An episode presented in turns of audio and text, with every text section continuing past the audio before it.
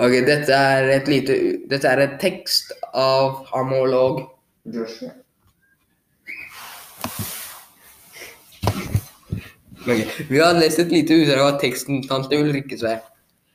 Teksten handler om to gutter som har en ulik hverdag. ene gutten som liker skole, og andre gutten som sliter litt med livet. Den første gutten vi hører om, er veldig skoleglad og liker skolen og vil få gode karakterer. Han andre gutten må passe en del på familien sin og ikke har så mye tid til skolen.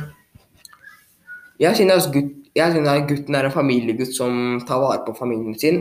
På, eh, og den andre, og den, denne gutten heter Jamal.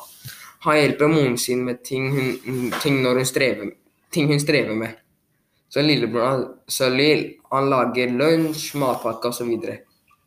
Noen ganger så hjelper Jamal, uh, Jamala med å skifte klær når Sølvi tisser på seg, f.eks. Uh, Temaet er aktuelt i vår tid fordi det er ting som skjer nå mens vi lever. Det er mange ungdommer som er i Jamal sin posisjon med at moren sliter, og at de har yngre søsken å passe på. Lillebroren hans, Suli, gråter veldig mye og tisser veldig mye rundt huset. Moren har problemer, og når Suli gjør kaos i huset, så blir hun brutt fysisk og psykisk. Jamal har lagd en byrde i seg selv om å bli mann i huset, og at han skal gi familien det de ikke har. De bruker virkemidlene som sammenligning fordi de sammenligner Jamal og Mo. Forfatteren ønsker å normalisere det å være en minoritet.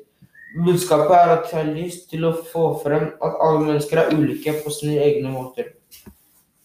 Takk for oss.